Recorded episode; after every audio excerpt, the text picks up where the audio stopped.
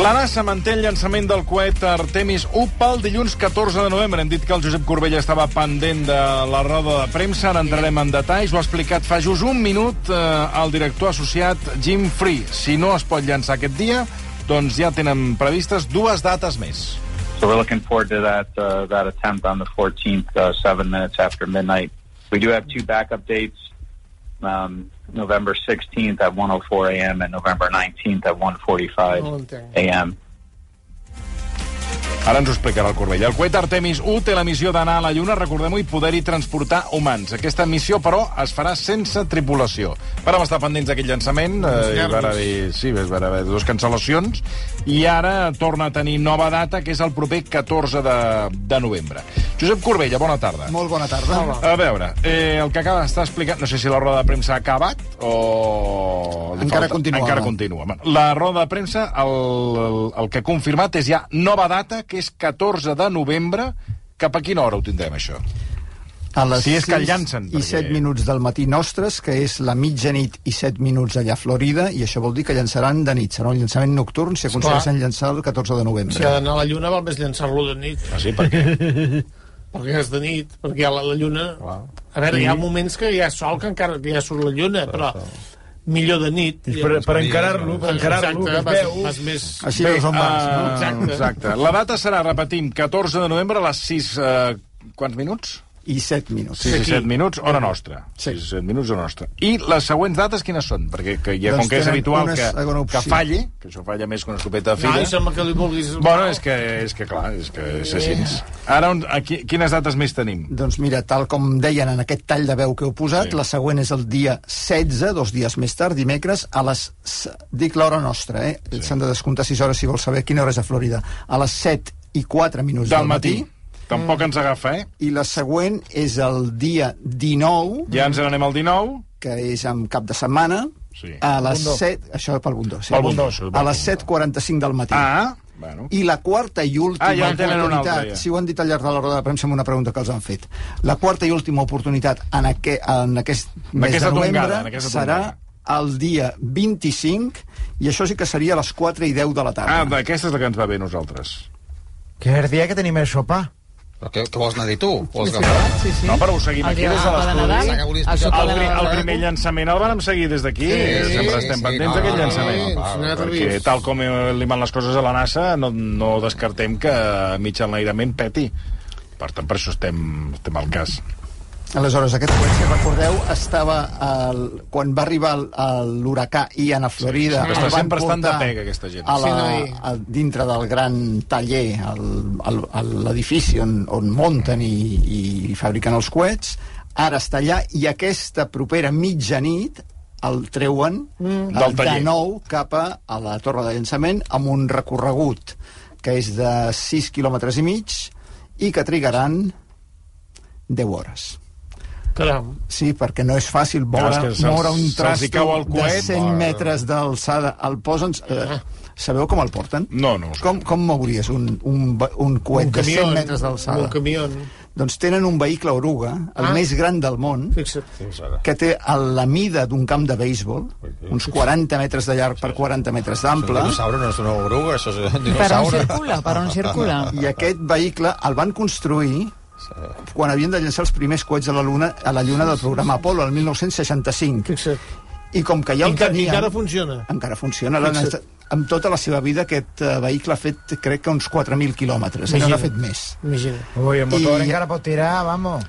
I quan es va acabar el programa Apollo, van dir que què en fem d'aquest trasto, el van reutilitzar pels, pels shuttles, i quan es va acabar el shuttle, ara l'han reutilitzat, en lloc de construir un vehicle oruga nou, doncs eh, acondicionen el que ja tenien. Bé. Bueno, tenim, doncs, repeteixo, noves dates, 14... 16, 19 i 25 de novembre. Estarem al Sí. cas a veure si finalment s'enlaira. I si llencen, i una la- altra dada important, si llencen el 14, Sí? El, el retorn a la Terra serà el dia 9 de desembre, per una missió de 25 dies. I això sí que caurien de dia. De dia. Mm. Tornarien de dia. Ah, però mira, podem estar per la tornada. Podem estar al cas de la tornada. Sí. Bueno, però és, és missió no tripulada, eh? Això, recordem-ho. Bueno, va ningú. A dins. No Ah. fos cas, és, un, és la primera Bueno, vegada que et vola dic. aquest coet. No. Només faltaria que alguna cosa sortís malament. Bueno, però jo ho no dic, per, però és missió no tripulada, Bueno, no, però només no faltaria arriba ni a la lluna. gent. moment, que estic parlant. Eh, dic, no arriba a la lluna, no? Sí, sí, a veure, el, Aterrarà el la coet Lluna. envia, a dalt del coet, a la part de dalt del coet, hi ha una càpsula, Sí. que és la càpsula on en futures missions hi aniran astronautes.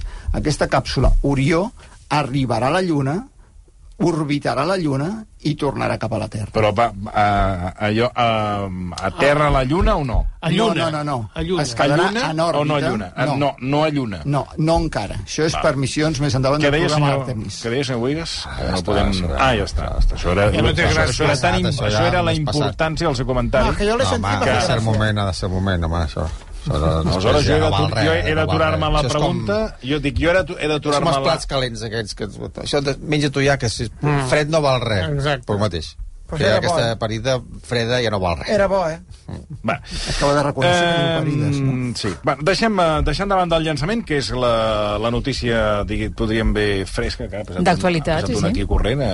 Eh, Sí, que, fan- que, que no fan- tinguem un simulacre aquí a fan la, a la cursa Torre de- Barcelona. Jo Eh? pensava que feien la cursa de recurs. Potser ja l'estem preparant encara la temporada que ve, que hi hagi algú que està ja Entrenant, escalfant entrenant. aquí el que seria aquestes finestres, perquè per exemple, ha passat, ha passat un corrent. Bé, parlem de microplàstics, perquè eh, ens sentim a parlar molt, no li donem, diguéssim, massa importància, però els seus efectes nocius són eh, importants pel medi ambient com per la salut. Aquesta setmana s'ha publicat un estudi sobre eh, més informació sobre microplàstics. Les balenes ingereixen ara aquí falta el comentari del senyor Boigas, 10 milions de trossos de microplàstics al dia. Doncs no hi ha res a comentar. Ah, molt bé. Això vol dir 43 quilos de residus cada 24 hores. O sigui, són uh, autèntics filtres de merda, les pobres balenes. No? Són Perquè, residus. 43 quilos de residus cada dia. Bueno, Com s'ha fet aquest estudi? Mira, aquest estudi ha estat al llarg de 10 anys, uns eh, oceanògrafs davant de la costa de Califòrnia han fet, eh, per una banda, han seguit 220 balenes, que això és més que cap estudi anterior, les han seguit amb, amb drons per veure-les des de dalt, el, amb tècniques acústiques per veure què passava sota l'aigua. A algunes d'elles els han posat uns eh, aparells que els permeten seguir amb ventoses enganxades a la pell de les balenes que els permeten seguir on estan. I no notaven que els seguien, perquè ara, un moment que dius, home, entre els Potser no- drons... Els... potser no els importava Ah, gaire. Les vento- les ventoses. Hauríem de sospitar que els segueixen, perquè... I aleshores, a part de ser l'estudi més gran que s'ha fet mai sobre aquesta qüestió pel nombre de balenes, han mirat una cosa que no s'havia mirat mai, que és la distribució dels microplàstics a la columna d'aigua, perquè a les diferents profunditats no hi ha la mateixa concentració de microplàstics a tot arreu. I el que han vist és que on n'hi ha més, també perquè han fet unes, un, uns sondejos, és eh, entorn de 150-200 metres de profunditat, Allà que n'hi ha més? coincideix, allà hi ha més microplàstics que, per exemple, a 50 metres de profunditat Ai, carai. i, i coincideix amb les zones on precisament aquestes grans balenes van a buscar més aliment. Per tant, coincideix on hi ha més pl- microplàstics i on més mengen. Així és com s'ha fet aquest estudi, que I... I- permet, ha permès avaluar millor que cap estudi I, anterior. aqu I aquests microplàstics, quan es, eh, com, com es converteixen en micro? Perquè són plàstics, es van, es van trencant, es van dissolent, o com, com arriben a microplàstics? Sí, un microplàstic és un plàstic microscòpic, com el seu nom indica, no? De, molts d'ells es defineix com que té menys de, de 5 mil·límetres, però molts d'ells són tan petits que ni es veuen, són mic, per això es diuen microplàstics. Aleshores, l'origen és que dels plàstics grans, els plàstics passa com amb tot, que és que es van eh, esmiculant, es van fent malbé amb el, amb el temps, amb l'ús, amb, amb les agressions de tot, eh, físiques, químiques. La sorra, la sorra eren roques, eh? La sorra del desert, roques. Doncs ben vist, senyor Buigas. Fa el mateix temps, amb eh, fa plàstics. Aleshores, si aquests plàstics acaben, per, exemple, d'on surten? Doncs tot plàstic gran que és sotmès a, una, a un procés de- de- d'erosió de, es va, va fent petit. Per exemple, quan tenim roba acrílica i la rentem, es desprenen microplàstics. Ah. Pneumàtics dels, dels vehicles Fixa't. amb, la, amb el fragment de l'asfalt desprenen microplàstics. Um, amb vasos que no reciclen bé i que acaben eh, al medi ambient mal, mal a qualsevol lloc, amb, amb el amb l'efecte de l'erosió, per exemple, al mar, l'efecte de la radiació solar, de les onades de la sal, es van esmiculant i es van fent microplàstics. Això vol, dir, això vol dir, perdona, que també els humans mengem microplàstics. Sí, però molt menys. A veure, el, els animals del mar, els ecosistemes marins, és els que hi estan més sotmesos perquè utilitzem el mar com el gran abocador de la humanitat i no se'n poden escapar. Les bestioles que vivim a terra ferma Sí. també estem exposades a microplàstics però en quantitats més petites. En realitat, aquest any, aquest mateix any, hi ha hagut el primer estudi que ha trobat microplàstics amb sang humana. Han agafat, eh, això s'ha fet als Països Baixos, eh, un seguit de persones joves sanes que, eren, que han donat sang i s'ha vist que el 80% es podien detectar microplàstics. També s'ha detectat aquest any, també és un camp de recerca molt recent aquest, eh, s'han detectat, detectat microplàstics en llet materna. També any Fixa- s'ha presentat. fixa- També se n'han re- fixa. eh, detectat en placentes. Ah, bé, els, Per els tant- bebès eh, beuen llet amb tetabric, ja. Van acostumant, ja. Per tant, els humans, el que em deies, també, però en quantitats molt petites. Um, i, I no s'arriba a una conclusió de- d'aquest estudi? És a dir, de quina manera ens afecta d'una manera directa o indirecta? Mira, com, aquest estudi és una, una crida d'atenció. Bueno, però en portem, en portem tantes que ningú en fa cas. Que, clar, Aleshores- és un altre estudi d'aquests que va molt bé. Aquí- Aquí... que impressionant. I el guardem i endandó. Aquí la gran incògnita és sí. això quin efecte té, fins a quin punt és perjudicial. I això no ho sabem encara. No se sap. Bueno, que, que, aquí No- està, no aquí en està la cosa. No si tu saben res, no saben res. És, fins, és possible que els efectes siguin eh, irrellevants però no, no podem donar-ho per, per garantit. Per exemple, els... Mira, t'has trobat alguna vegada Mm. que un tàper de plàstic Sí. que hi ha hagut un menjar greixós l'intentes netejar? Sí, i la, què fe, passa? la feina que tens. Costa treure. molt més O- que amb un tàper de vidre. Sí, senyor. I per què? Ah, no ho sé. perquè als greixos els agrada el plàstic. Els greixos es diu... El, els greixos... Es, perdó, els plàstics els... Ho he dit al revés. Els plàstics els agraden els greixos. Es diu que els plàstics són lipofílics. Això vol dir que, el, que tendeixen a adherir-se al greix. Aleshores, resulta que les nostres cèl·lules, la membrana de les nostres cèl·lules, és de greix. I això és perquè la naturalesa és molt uh, intel·ligent i com que dins de les cèl·lules tenim aigua, perquè l'aigua no s'escapi, l'embolcall, el, el recipient és de greix. Però si hi ha un plàstic tan petit que pot in, uh, que és d'una mida que pot interactuar amb les nostres cèl·lules, mm. no podem descartar que això pugui tenir algun efecte en el funcionament d'algunes de les nostres cèl·lules. Per tant, estem en un punt amb els microplàstics que no sabem ben bé l'efecte que tindran, que és possible que no en tinguin cap de greu, però que no ho podem uh, donar pel cert. Bueno, més coses. Uh, el mapa nocturn més detallat eh, d'Europa, obtingut fins ara, elaborat a partir de fotos captades, ara que parlàvem de coets, captades per astronautes des de l'Estació Espacial Internacional, revela que hi ha cada vegada més contaminació lluminosa, sobretot al voltant de grans nuclis urbans. Primer de tot, com, com s'ha fet aquest mapa i què és el i què és el més important que mostra aquest mapa? Doncs mira, això s'ha fet amb eh, fotos fetes per astronautes des de l'estació espacial. Mm. Eh, han fet de fet, una de les coses que fan els astronautes allà dalt és fer fotos, fan moltes fotos.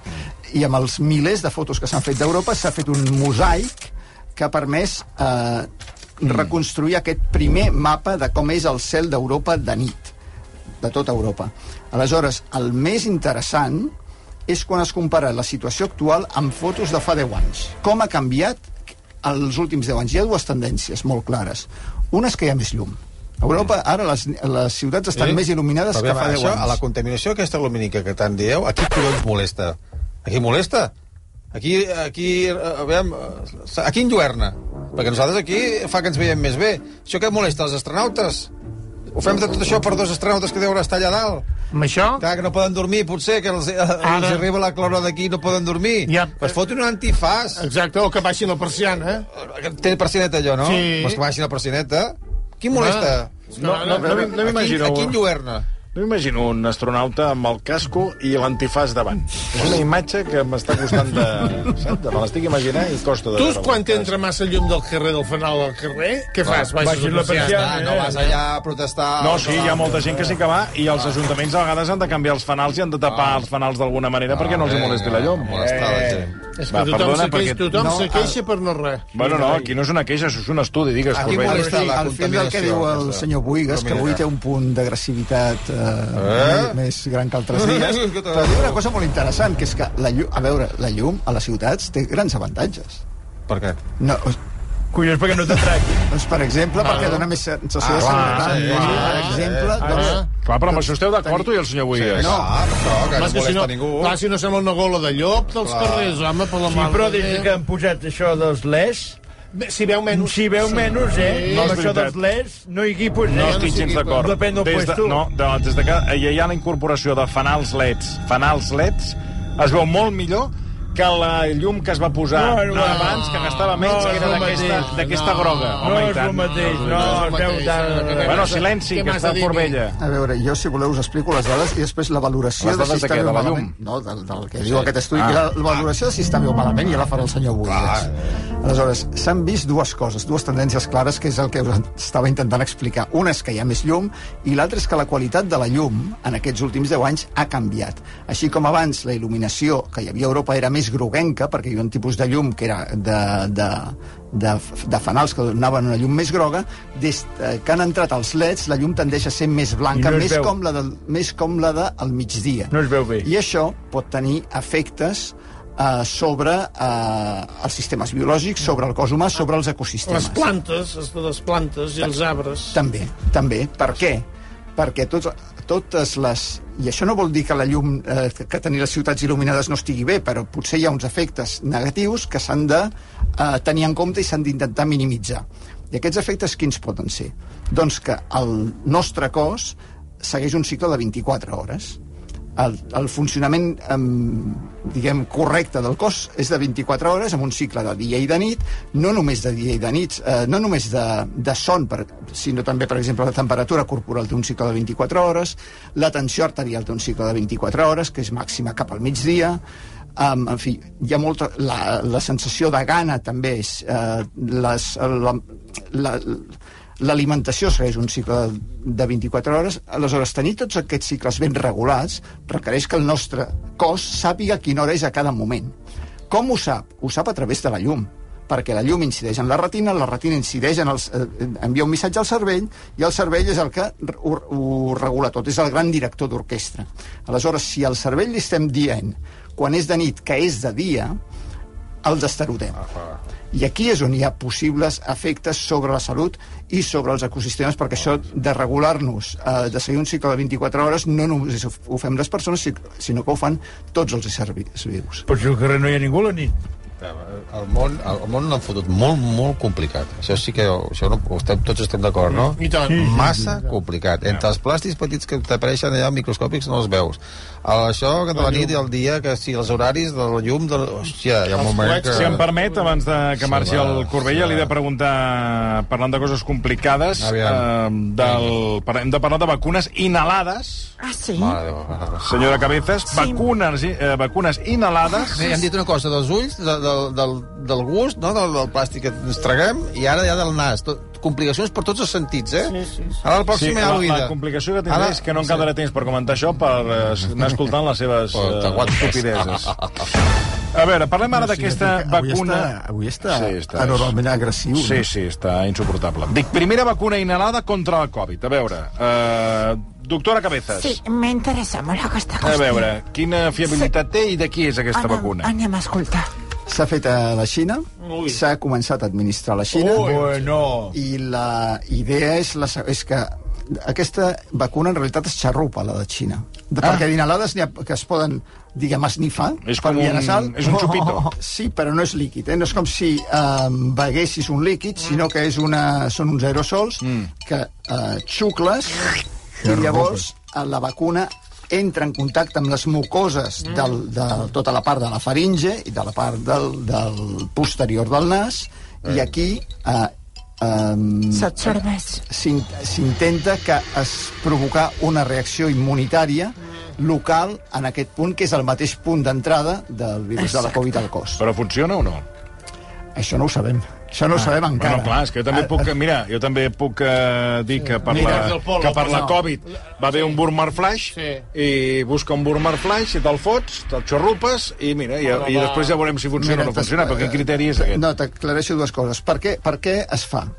Perquè les vacunes actuals que tenim, que van, eh, que s'injecten, eh, que, que s'injecten, Sí. llavors re, creen una reacció immunitària a nivell de l'organisme, que és molt bona per evitar la malaltia, les complicacions greus de la Covid, però és molt menys bona per evitar la infecció, perquè el que fan aquestes vacunes és que el, quan el virus infecta el cos, el sistema immunitari s'activa i ràpidament s'evita que progressi. Um, però no evita que, que eviten poc que entri. Aleshores, el que s'intenta és que la, la barrera immunitària de la mucosa nasal sigui més forta. I aquesta és la- l'avantatge teòrica d'una vacuna que, com- mm, com- com tenir el nas immunitat directament a les mucoses nasals. Ara, em deies, l'eficàcia. Sí. Molt bé, aquí et puc donar un argument a favor, un argument en contra, i al final haurem d'esperar les dades. Argument a favor. Sí. Uh, la companyia CanSino, que és la companyia... CanSino. Sí, es diu així. CanSino. La, la companyia xinesa que ha fet aquesta vacuna ha presentat unes dades de quins anticossos, quants anticossos s'indueixen després d'administrar aquesta vacuna. I les dades d'anticossos són prou bones com les d'altres vacunes. O sigui, sí que hi ha una reacció d'inducció d'anticossos, no està clar durant quant de temps. Uh, argument en contra. AstraZeneca ha intentat fer aquesta mateixa vacuna amb la mateixa tecnologia que CanSino i l'han retirat. L'han retirat perquè els seus resultats d'eficàcia no han estat prou bons. I, i tenim uns, pre- un precedent que és que les vacunes xineses fins ara han tingut menys eficàcia que Veus? les vacunes occidentals. No Veus? vol dir zero eficàcia, vol dir no tanta. Aleshores, potser, bueno, veurem què passa. No, i avui la gent de- però de amb Xina- aquesta tecnologia AstraZeneca No. i la Universitat d'Oxford, que són grans experts en aquesta vacuna, han dit això no ens funciona. I CanSino ha dit això sí que ens funciona. Llavors, veurem què passa. Gent de les Xines que pansa de les fàbriques perquè Sí. es tenien allà, que no, no podien sortir. Marxaven com conills, eh? Home. I que eh, les fàbriques aquestes dels iPhones, Sí. dels seus telèfons, que els van confinar tots allà i sortien allà Doncs com haurem de- conills. haurem d'esperar. Um, Josep Corbella, moltíssimes gràcies. A vosaltres.